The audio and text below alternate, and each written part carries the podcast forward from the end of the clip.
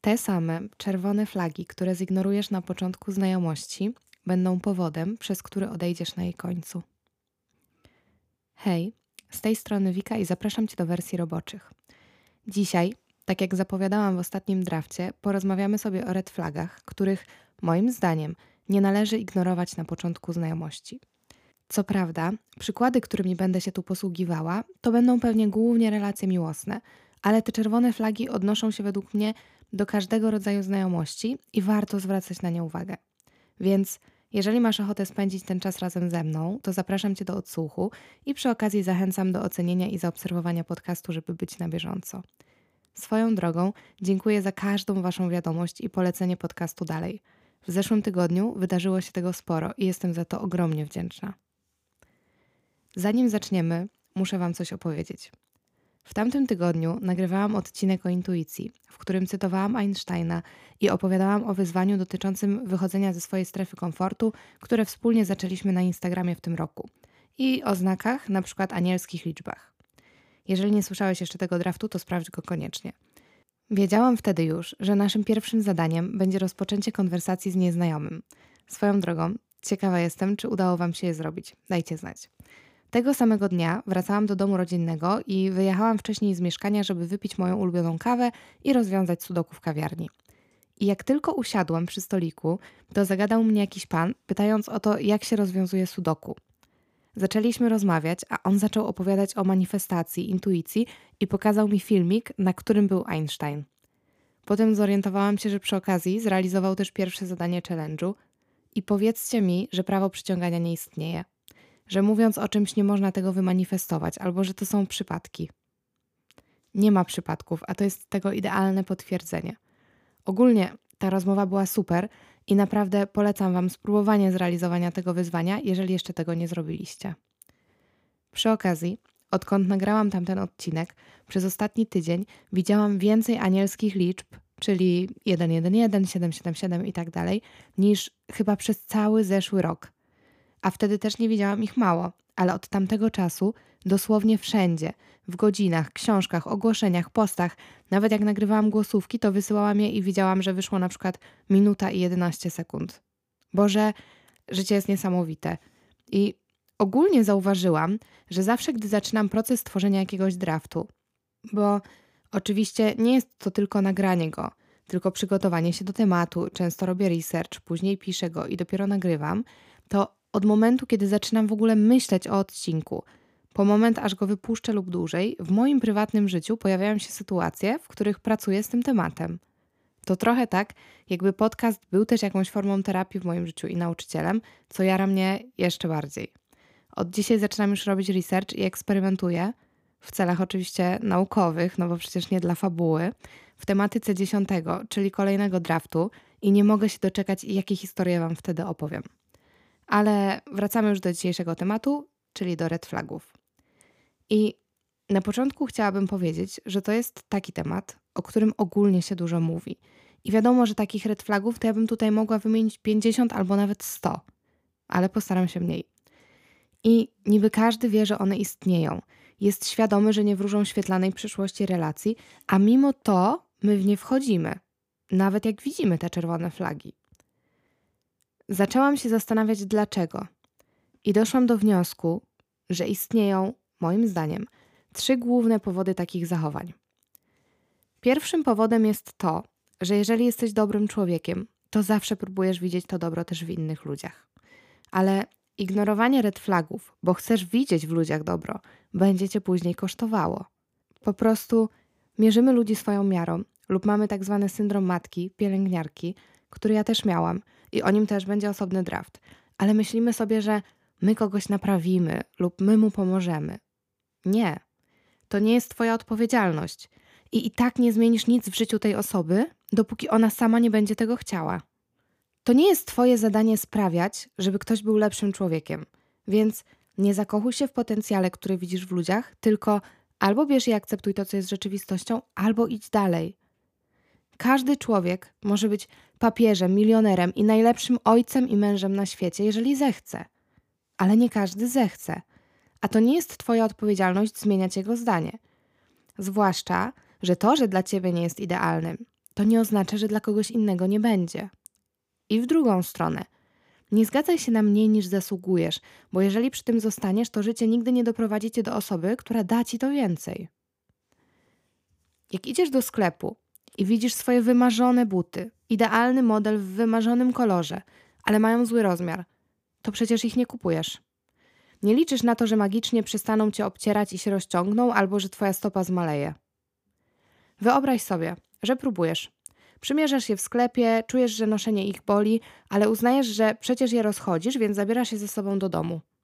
Chodzisz w nich, masz stopy całe w plastrach i ranach. Znajomi mówią ci, żeby się po prostu oddał, a ty nie chcesz i szukasz sposobów, żeby stały się wygodne. Te buty cię zraniły i teraz mało tego, nie ubierzesz już nawet butów, które są w twoim rozmiarze, bo tamte tak bardzo cię obtarły. Więc zamiast tego po prostu ich nie kupujesz. Odkładasz je w sklepie i wiesz, że znajdą swojego właściciela, na którym będą leżały idealnie, który nosi dokładnie ten rozmiar i nie będą go obcierały. A ty, może nie tego samego dnia, ale trafisz jeszcze na te buty, albo nawet na ładniejsze, które dodatkowo będą w Twoim rozmiarze. Uwielbiam tą analogię, zwłaszcza fragment, który dotyczy tego, że noszenie tych butów teraz spowoduje też późniejszy ból, nawet przy noszeniu kolejnych, które będą już w Twoim rozmiarze. Ignorowanie czerwonych flag dlatego, że chcesz widzieć w ludziach dobro, jest czymś, za co później będziesz musiał zapłacić. Drugim powodem jest, i nawet nie wiecie, jak mi on wkurwia, romantyzowanie smutnej miłości i złamanego serca. Pierwsze, co mam przed oczami, jak to mówię, to Maddie z serialu Euforia, która na zabój zakochana w toksycznym i przemocowym Nejcie płakała w swoim pokoju z narracją, że wie, że nieważne co on by zrobił, ona i tak będzie go kochała. Jeżeli faktycznie kogoś kochasz i wierzę, że może tak być, nawet jeżeli ta osoba nie traktuje nas tak, jak powinna, bo uważam, że prawdziwa miłość jest bezwarunkowa, to okej, okay, kochaj go, ale kochaj siebie na tyle, żeby robić to z odpowiedniej odległości. Kochać kogoś nie oznacza skazywać siebie na wieczne cierpienie, ani konieczności tworzenia z tą osobą życia. Jeżeli kogoś kochasz, to życz mu jak najlepiej i uśmiechaj się za każdym razem, gdy o nim pomyślisz, ale to jest ok, nie chcieć tej osoby w naszym bezpośrednim otoczeniu, jeżeli nam szkodzi. I też nie popadajmy w skrajności. Człowiek może mieć wady i się z nami zadawać. Sami przecież też nie jesteśmy idealni, ale te wszystkie historie w stylu wolę być nieszczęśliwa, ale z nim niż szczęśliwa bez niego. Ja przepraszam, ale co to znaczy? Że wkładając tyle pracy w przepracowanie swoich wad, problemów i w swój własny rozwój, postanawiasz postawić ponad siebie człowieka, który ewidentnie nie ma ochoty się rozwijać i który ewidentnie nie chce być uzdrowiony. To nie znaczy, że ludzie się nie zmieniają.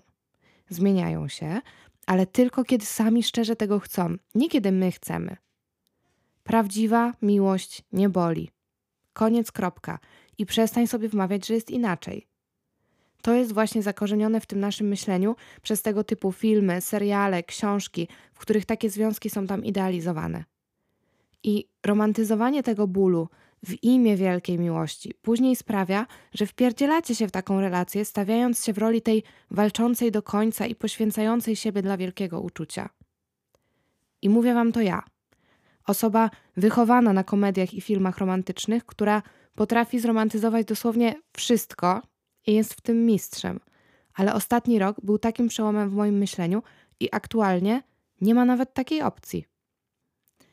Jestem w momencie, w którym nawet to, że ktoś jest miły i dobrze mnie traktuje, nie jest wystarczającym powodem, dla którego miałby zostać w moim życiu.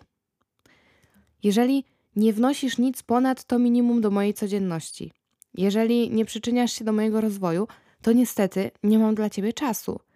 I tak, to brzmi egoistycznie, ale szczerze, co z tego? Nic mnie to nie obchodzi. Teraz jest czas, w którym priorytetyzuję siebie i niestety nie ma miejsca na takie relacje. I nie dlatego, że czuję się lepsza od tych ludzi. Absolutnie. Tylko dlatego, że jestem w innym momencie swojego życia i rozwoju swojej świadomości niż oni. Kiedyś przeczytałam takie zdanie: Komedie romantyczne wyrządziły więcej krzywdy związkom niż filmy pornograficzne. I to jest mocne ale się z tym zgadzam. Stworzyliśmy społeczeństwo, które znormalizowało cierpienie w imię miłości i wielkie zmiany drugiej połówki po tym, jak nas skrzywdziła. I później takie red flagi nie robią na nas wrażenia, bo przecież jak nie będzie cierpienia, to nie będzie miłości i happy endu na końcu. I trzeci powód. Osoba, która nie traktuje cię dobrze, daje ci coś, czego brakuje ci w życiu, lub masz na tyle niskie poczucie własnej wartości, że uważasz, że nie zasługujesz na więcej. A moment, w którym się zastanawiasz, czy zasługujesz, to już jest moment, w którym na pewno zasługujesz. I nieważne, czy ta osoba daje ci uwagę, której sobie nie poświęcasz, poczucie bycia potrzebnym, które od niego uzależniasz, czy po prostu wypełnia pustkę, bo nie lubisz być sam. Jeżeli nie umiesz odejść, zastanów się dlaczego. Co ta osoba ci daje, czego sam sobie nie umiesz dać. A później zapytaj siebie, jak możesz zacząć sobie to dawać. Zacznij to dawać i odejdź od tej relacji. Wiedz, na ile zasługujesz, wiedz, czego oczekujesz od osoby, z którą wchodzisz w związek lub przyjacielską relację i nie zgadzaj się na mniej. Pamiętaj, że to ty jesteś osobą, która określa Twoją wartość i definiuje, na ile zasługujesz. Nikt nie wyznaczy tego za ciebie. Pokazujesz to tym, jak traktujesz siebie, ale też tym, jak pozwalasz innym się traktować. Tych powodów oczywiście może być dużo więcej, na przykład jakieś wzorce, które mamy z dzieciństwa, ale te trzy według mnie są chyba najczęstsze. I jak już sobie je omówiliśmy, to możemy przejść do konkretnych red flagów, które dla mnie są znakami, że nie chcę wchodzić z daną osobą w żadną relację. Oczywiście to moje zdanie, Wiadomo, że niektóre z czynników zależne są od sytuacji i każdy oczekuje od związków, nie tylko miłosnych, czegoś innego. Ale dla mnie te rzeczy to coś, co od razu skreśla daną osobę i jej szanse na zostanie w moim życiu. I jeszcze kilka lat temu nie patrzyłabym tak na to, ale aktualnie jestem tak skupiona na sobie, inwestuję w swój rozwój i w siebie, że te standardy podniosły się bardzo, bo szczerze szkoda mi czasu na osobę, która mnie nie doceni. I tak jak mówiłam w drafcie o tym, czego nauczył mnie 2023, nauczyłam się mówić nie. I nie mam problemu z tym, żeby zakomunikować komuś, że nie czuję chęci kontynuowania jakiejś znajomości lub rozwijania jej. No i zaczynamy od pięciu typów ludzi, których unikam jak ognia, bo ani w 2024, ani w żadnym kolejnym roku nie mam zamiaru tolerować ich sposobu patrzenia na życie i relacje. Pierwszy to oczywiście narcystyczny typ osobowości. I to jest takie zaburzenie, które nie jest brane pod uwagę tak poważnie, jak powinno być, bo narcyz kojarzy nam się z osobą, która dużo patrzy w lustro i jest w sobie zakochana. I ja też tak myślałam, dopóki nie miałam bezpośredniej styczności z człowiekiem, który nim jest. Wtedy zaczęłam czytać, dowiadywać się, edukować i o tym, jak sobie z nimi poradzić, też będzie osobny draft, ale w skrócie. Jeżeli ktoś jest narcystyczny, nieustannie potrzebuje uznania innych, nie ma w sobie empatii, źle znosi krytykę i angażuje się w relacje jedynie dla korzyści i każdą sytuację obraca tak, że to on jest w jej centrum, po prostu uciekaj. Przy okazji, to jak osoba traktuje ludzi, którzy nie mają jej nic do zaoferowania, na przykład kelnerki w restauracji, pracowników sklepu lub ludzi spotkanych w komunikacji miejskiej. To mówi tak dużo o tej osobie, Dlatego pierwsze spotkanie w miejscu typu restauracja lub kawiarnia pokazuje naprawdę dużo więcej na temat tej osoby niż tylko to, co lubi sobie zjeść. Drugi typ, z którym nie chcę mieć nic do czynienia, to kontroler. Nieważne, czy to znajomy, czy osoba, z którą się spotykasz. Jeżeli ktoś ma potrzebę kontrolowania każdego Twojego ruchu, myśli, próbuje mieć wpływ na to, w jaki sposób spędzasz swój czas lub z kim się zadajesz, to jest dla mnie ogromna czerwona flaga. Ja byłam w związku, w którym nie mogłam nosić długich paznokci, wychodzić z domu bez stanika i mój partner popłakał się, jak zrobiłam sobie usta bez jego zgody. A chciałam tylko zobaczyć jego reakcję na żywo, więc nie mówiłam mu wcześniej. Nigdy już nie zgodzę się na coś takiego, ale taka potrzeba kontroli mówi o tym, jak niepewna siebie jest ta osoba. Ile ma kompleksów, jak bardzo boi się, że moglibyśmy zrobić coś lub przeżyć albo bawić się bez niej dobrze. Tutaj od razu.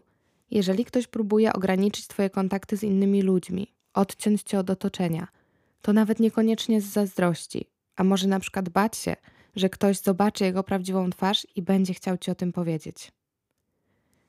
I to, co nam to sygnalizuje, to są często takie teksty albo zachowania, które są spontaniczne i chyba najciężej jest nad nimi zapanować takim osobom, więc warto zwracać uwagę na ich pierwszą reakcję. Poza tym, brak pewności siebie to też cecha, której zdecydowanie mówię już nie. Nie wyobrażam sobie otaczać się osobami nieświadomymi swojej wartości. Plus głęboko wierzę, że jeżeli ktoś mi mówi, nie zasługujesz na mnie, albo nie wierzę, że ktoś taki jak ty się ze mną zadaje, to mówi wprost, że nie powinnam tego robić. Chcę od życia wszystkiego, co najlepsze i dojdę do tego z osobami, które chcą dla siebie tego samego. Każdy ma gorsze dni, wiadomo, ale świadomość swojej własnej wartości, zamiast proszenia się o uwagę i mówienia nieustannie rzeczy w stylu: O nie, jestem najgorszy, tylko po to, żeby ktoś powiedział: Nie, to nieprawda. Ile my mamy lat? Siedem? Trzeci rodzaj osobowości, czyli wampir energetyczny. Trust me, jeżeli spędzasz z kimś czas i za każdym razem, kiedy wracasz do domu lub jesteś już sam, czujesz się wypalony i nie masz na nic energii, lub masz jej mniej niż miałeś przed spotkaniem. Ważne, odróżnijmy to od wypalenia baterii społecznych u introwertyków, to coś jest nie tak. I to nawet niekoniecznie z tą osobą, a może po prostu nie pasujecie do siebie i nie jesteście sobie pisani. A jeżeli jakaś osoba bez przerwy narzeka, doszukuje się we wszystkim negatywów lub cię krytykuje, to to już nawet nie podlega negocjacji. Ja na przykład miałam tak z rodziną jednego z moich partnerów. Za każdym razem, kiedy jeździliśmy do niego do domu, nie było tam innego tematu niż te, które są złe. Zauważyłam to już po pierwszym spotkaniu i później zaczęłam zauważać też taki schemat w myśleniu mojego ex. Jak próbowałam opowiedzieć jego rodzicom, że na przykład gdzieś byliśmy lub udało nam się zrobić coś fajnego, to temat od razu umierał i jego rodzice automatycznie wracali do tego, co się ostatnio złego stało, a co okropnego przydarzyło się ciotce, albo jakie ciężkie jest życie w dzisiejszych czasach. Wychodziłam stamtąd, nie posiadając naprawdę żadnych baterii. Na nic. Czwarty typ. Kompulsywny kłamca. Uwierz mi, jeżeli jakaś osoba okłamuje cię na początku waszej znajomości, to później wcale lepiej nie będzie. Jeżeli okłamuje inne osoby, jeżeli czujesz, że nie jest do końca szczera, to nie są dobre znaki. A jak prawda wychodzi na jaw, a ktoś używa argumentu: hmm, bałem się, że będziesz zła, albo bałem się, że przez to mnie ocenisz, to tym bardziej uciekaj. Taka osoba nie dość, że nie umie wziąć odpowiedzialności za decyzje, jakie podejmuje, to jeszcze dodatkowo manipuluje tobą i próbuje zwalić na ciebie winę za to, że zareagowałabyś źle na czyjeś złe zachowanie. Piąty. Człowiek, który nie potrafi cieszyć się z sukcesów i szczęścia innych osób. To nie chodzi tylko o to, jak niskie poczucie własnej wartości ma taka osoba, ale jeżeli ktoś nie umie dobrze przyjmować rozwoju innych, to nigdy szczerze nie przyjmie też dobrze Twojego. To mówi o zazdrości, jaką ta osoba czuje, ale tak jak mówiłam, jeżeli wiesz, ile jesteś warty, na co zasługujesz i jeżeli na to pracujesz, to nie poświęcisz swojego czasu na złe wypowiadanie się na temat innych osób. Jeżeli jesteś świadomy tego, że wszechświat jest nieograniczony i to nie jest tak, że jak jedna osoba coś dostanie, to ty już nie masz na to szansy. Tylko wierzysz, że dobrobytu starczy dla każdego, kto będzie miał odwagę do niego dotrzeć. I potrafisz być wsparciem dla najbliższych i celebrować z nimi sukcesy i ich szczęście. Jeżeli kogoś to triggeruje lub automatycznie zaczyna doszukiwać się wad lub umniejszać takim osobom, nie wzrośniesz przy takim człowieku. Przechodzimy dalej do zjawiska, o którym nadal, zwłaszcza w Polsce, według mnie mówi się za mało, czyli love bombingu. Jeżeli jakaś osoba na pierwszym lub drugim spotkaniu mówi ci już, ile ty dla niej znaczysz, lub co gorsza, wyznaje ci miłość, to nie sprawa przeznaczenia i magicznego połączenia dusz to znak, że coś z tą osobą jest mocno nie tak. Zasypywanie miłością, uwagą i komplementami, snucie wielkich planów po kilku pierwszych spotkaniach to jest naprawdę niebezpieczna rzecz, prowadząca do uzależnienia się od tej osoby i jej atencji, którą później od nas odcina, i w ten sposób rozpoczyna się manipulacja i gra na naszych emocjach. I to wcale nie musi być relacja, która dąży do związku. Może być też na przykład przyjacielska. Ja Doświadczyłam love bombingu w relacji miłosnej, obiecywania mi, że zostanę czyjąś żoną już po miesiącu, zasypywania komplementami, planami. I wtedy nie byłam jeszcze świadoma, że w ogóle istnieje coś takiego, więc ślepo w to poszłam, ale teraz już wiem i na pewno to jest ogromny red flag, który widać już na samym początku. Kolejną czerwoną flagą jest zachowanie polegające na tłumaczeniu swoich niedopuszczalnych zachowań trudną przeszłością i jednocześnie nic z tym nie robiąc. I ja wiem, że każdy z nas ma jakieś traumy i blizny, ale jeżeli ktoś jest tego świadomy, a skoro używa takiego argumentu, no to prawdopodobnie jest świadomy, ale nie podejmuje żadnych kroków w kierunku zagojenia tego. I uwaga, krokiem nie jest powiedzenie: staram się tak nie robić. Jeżeli nie chodzisz na terapię, jeżeli faktycznie w tym temacie nie ma żadnych postępów, to trzymaj się z dala ode mnie. Nie obchodzą mnie słowa i obietnice, tylko czyny i rezultaty. Ja poświęciłam kilka lat życia i kilkanaście tysięcy złotych na terapię, na rozwój osobisty i naprawdę nie mam zamiaru poświęcać kolejnych na czekanie, aż ktoś dojdzie do momentu, w którym ja już jestem, bo musiałabym stać w miejscu, a chcę iść do przodu. I mam masę koleżanek, które będąc w związkach chodziły na terapię lub się rozwijały, a ich partner stał w tym czasie w miejscu, bo było mu tak wygodnie.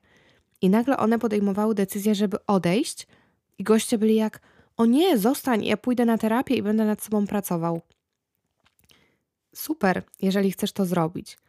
Pod warunkiem, że to szczere chęci zmiany dla samego siebie, a nie impuls, powstały pod wpływem strachu albo próba manipulacji, ale nie oczekuj, że teraz ja będę na ciebie czekała i stała w miejscu, zanim mnie dogonisz. Mój czas jest zdecydowanie zbyt cenny, żebym ograniczała ruszanie dalej, zwłaszcza, że czasem ta różnica dystansów jest już na tyle duża, że się nigdy nie dogonicie. Przy okazji, terapia i praca nad sobą lub wyniesienie tego z domu uczą komunikacji. Jeżeli ktoś nie umie rozmawiać, zwłaszcza w trudniejszych momentach, to nie ma tu przestrzeni na rozwój znajomości. I ja też jestem osobą, na przykład, która gdy emocje biorą górę, potrzebuję chwili dla siebie, żeby to sobie ułożyć, ochłonąć, zastanowić się nad tym, co czuję i co chcę powiedzieć. Ale po tej chwili jestem gotowa do rozmowy. A nie każdy jest. I w drugą stronę, jeżeli osoba nie potrafi dać mi tej chwili, nie umie pozwolić mi na taką przestrzeń dla mnie i nie szanuje moich potrzeb, tylko od razu naciska na rozmowę i wyjaśnianie sytuacji, też nie uważam, że to jest w porządku.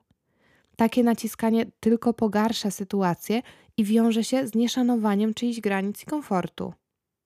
Dodatkowo, wszystkie sposoby manipulacji i przemocy psychicznej, którym mówimy, stuprocentowe nie. Na przykład, jeżeli ktoś coś zrobił, co cię skrzywdziło, i tutaj ustalmy, jeżeli coś cię skrzywdziło, to nie ma tutaj pola na dyskusję, czy tak było, czy nie i później obwiniać ciebie za twoją reakcję na to, co zrobił, zamiast wziąć odpowiedzialność za swoje czyny, he's out. Ok? Tak samo gaslighting. Mam znajome, u których w związkach występował do tego stopnia, że kłócąc się ze swoim partnerem, nagrywały pokryjomu te konwersacje, bo inaczej nie wiedziały, czy to, co pamiętają, jest prawdą, czy nie, bo partner tak bardzo przekręcał te wersje i je im wmawiał. Wyobrażacie sobie prać komuś mózg do tego stopnia? Stricte związkowo chciałabym jeszcze dodać. Jeżeli imię gościa znajduje się pod zdjęciem każdej typiary w social mediach i tutaj przy okazji pomocno okazuje się często sprawdzanie, kogo obserwuje, red flag. Jeżeli typ nigdy nie ma pieniędzy i nie mówię, że musi być bogaty, nie każdy ma łatwy start w życiu, ale jeżeli jesteś dorosły i naprawdę nigdy nie masz pieniędzy, to coś tu jest mocno nie tak. I nie, nie jestem gold diggerką, ale wiem, jakiego standardu życia oczekuję i jaki jestem w stanie sobie zagwarantować sama. I nie mam zamiaru, po raz kolejny, bo niestety już popełniłam ten błąd, dokładać się do utrzymywania mojego partnera. Nie boję się też o tym mówić, bo wiem, że nie odstraszy to odpowiedniej osoby. Przy okazji tego tematu, dla mnie gościu, który nie wierzy w równouprawnienie i wyznaje podwójne standardy, to ogromny nie. Dodatkowo, to, jak traktuje swoją mamę, i tutaj są dwa skrajne przypadki. Pierwszy, w którym telefonują do siebie kilka razy dziennie i traktują ją jak absolutne bóstwo, binder, to coś jest nie tak. Wyobrażacie sobie, że jak mój były mnie zdradził i się rozstaliśmy, to komentarz jego mamy to było: Hmm, coś mi tu nie pasuje. Niby była taka zakochana, a widzisz, zostawiła cię. A dokładnie wiedziała, dlaczego to zrobiłam. Później, jak się na chwilę zeszliśmy, to on mi o tym powiedział i ja się wtedy ostro wkurzyłam, a kilka dni później on jej to jeszcze powiedział, że ja się wkurzyłam i się z tego śmiał. Albo w drugą stronę. Jeżeli kompletnie nie szanuje swojej mamy, to prawdopodobnie znaczy, że nie został nauczony szacunku do kobiet albo ogólnie do drugiego człowieka. I wiadomo, są też przypadki, kiedy rodzice mają swoje za uszami i zrobili im krzywdę. To samo w temacie wypowiadania się na temat swoich byłych partnerów bez szacunku. Jeżeli w poprzednim związku wszystko, co było złe, było winą partnera, albo eks uznawana jest za wariatkę, to jest dokładnie tak jak na tych memach wariatkę. Ta, powiedz lepiej, co zrobiłeś, że się stała wariatką. I tutaj też wiadomo, są różne sytuacje, bo ja przykładowo też nie wypowiadałam się na temat mojego partnera dobrze tuż po zerwaniu, ale miałam ku temu naprawdę konkretne powody, o czym zresztą wiecie, jeżeli słuchacie wersji roboczych. Ale nawet po tym wszystkim, co się wydarzyło, to jak już uleczyłam w sobie te rany, teraz nie mam potrzeby wyzywania go albo życzenia mu źle.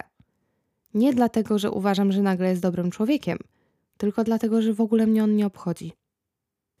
I kolejny red flag dla mnie. Jeżeli osoba nie ma żadnych pasji ani zajawek. Dame, żyjemy w XXI wieku. Możliwości jest naprawdę milion, zarówno płatnych i darmowych, więc jeżeli nie masz czegoś, co cię jara, w czym się rozwijasz i czemu poświęcasz się z przyjemnością, a żyjesz jedynie od poniedziałku do poniedziałku, pracując, jedząc, śpiąc i scrollując social media, to jesteś po prostu nudny i leniwy. Ja nie jestem, więc się nie zgrywamy. Ostatnio słuchałam wypowiedzi pewnej osoby o tym, że mamy taką tendencję, że na przykład jak zaczynamy się z kimś spotykać lub pisać, to dopasowujemy się do energii tej osoby. I podała taki dobry przykład, że jak osoba odpisuje nam raz lub dwa razy dziennie, to często zapętlamy się w coś na zasadzie: Aha, okej, okay, to teraz ja specjalnie poczekam te kilka godzin, żeby odpisać. Przecież to jest bez sensu. I wiadomo, że ta osoba może nie mieć czasu, ale jeżeli nie ma go ciągle, to tak naprawdę go ma. Po prostu nie chce go poświęcać na ciebie. I dlaczego ty masz się dopasowywać i też odpisywać tak rzadko? No nie. Jeżeli jesteś przy telefonie lub masz na to czas, odpowiedz. I może to ta osoba dopasuje się do Twojej energii, lub kolejnego dnia będzie miała więcej przestrzeni na to, żeby odpowiadać Ci szybciej. A jeżeli nie, to po prostu nie pasujecie do siebie i tyle.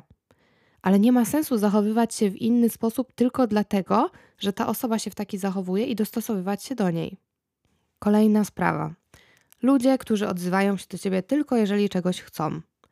Jezu, nie toleruję czegoś takiego, ale jeszcze gorsze jest udawanie, że obchodzi ich co u ciebie i pierwsza wiadomość po roku nieodzywania się to hej, co tam? Tylko po to, żeby dosłownie druga brzmiała a może mogłabyś mi pomóc? Jeżeli piszesz już z konkretną prośbą i zamiarem, to miej na tyle jaj, żeby o tym powiedzieć, bo takie sztuczne intencje na początku serio, w mojej opinii są jeszcze gorsze niż wyłożenie kart na stół. Pomijam już ewenement gościa, który odzywa się do ciebie tylko w piątek o pierwszej w nocy, pytając, co robisz, albo raz na jakiś czas, żeby przypomnieć o swoim istnieniu, a i tak nic z tego nie wynika. I ostatni red flag na dziś. Ludzie, którzy trzymają się z ludźmi, którzy zrobili mi krzywdę lub życzą mi jak najgorzej. Jeżeli ktoś jest świadomy tego, że jakaś osoba zachowała się nie w porządku w stosunku do mnie, i wie, co zrobiła, w jaki sposób mnie potraktowała i nadal postanawia się z nią zadawać, to okej, okay, ma do tego prawo, ale wtedy automatycznie traci swoje miejsce w moim życiu. Ostatnio w ogóle miałam taką sytuację, że straciłam z pewną osobą kontakt. I chwilę później dowiedziałam się, że ona po tym urwaniu go podeszła do człowieka, który skrzywdził mnie ogromnie i machnęła tekstem w stylu: W sumie to ja nic do ciebie nie mam. I się z nim zakumplowała mimo że dosłownie miesiącami wypłakiwałam się na jej ramieniu i doskonale znała przebieg całej sytuacji. Dodatkowo, sama będąc przez tą osobę pośrednio słabo traktowana, konkretnie zablokowana na socialach itd. Tak I teraz tak. Po pierwsze, to, że nie mamy już kontaktu, nie sprawiło, że człowiek, który mnie skrzywdził i jest psychicznie niestabilny, stał się nagle dobrym człowiekiem. Ale po drugie, nie wiem, kto w tej sytuacji jest większą ofiarą. Czy osoba, która zdecydowała się wykonać takie kroki i zakumplować z takim człowiekiem, czy ten człowiek, który się na to zgodził bez świadomości, co na jego temat mówiła i jak oceniała go ta pierwsza osoba, kiedy miała jeszcze ze mną kontakt? Jeżeli zadajesz się z ludźmi, którzy skrzywdzili mnie lub moich znajomych, mając pełną świadomość tego, co zrobili, to tak jakbyś energetycznie szedł w regres i dosłownie cofał się do poziomu osób, które są zdecydowanie niżej wibracyjnie. A chyba nie trzeba tutaj dodawać tekstu, że to, kim się otaczasz, dużo mówi o tym, kim jesteś. I jeju, mogłabym wymieniać i wymieniać te wszystkie rzeczy, ale to już koniec na dziś. Powiem Wam szczerze, że takie odcinki i tematy wzbudzają we mnie dziwne uczucia i długo myślałam nad tym, czy to nagrywać, czy nie, bo życie mi pokazało, że niektóre osoby są naprawdę idealnymi manipulatorami. I takie materiały to poradnik dla nich, czego nie robić. Jak grać, żeby nie pokazać swojej prawdziwej twarzy, na co uważać. Ale głęboko wierzę, że ten podcast nie przyciągnie ludzi nieuzdrowionych, a nawet jeśli to osoby, które znają swoją wartość i postawią na siebie, dostrzegą te znaki, co by się nie działo.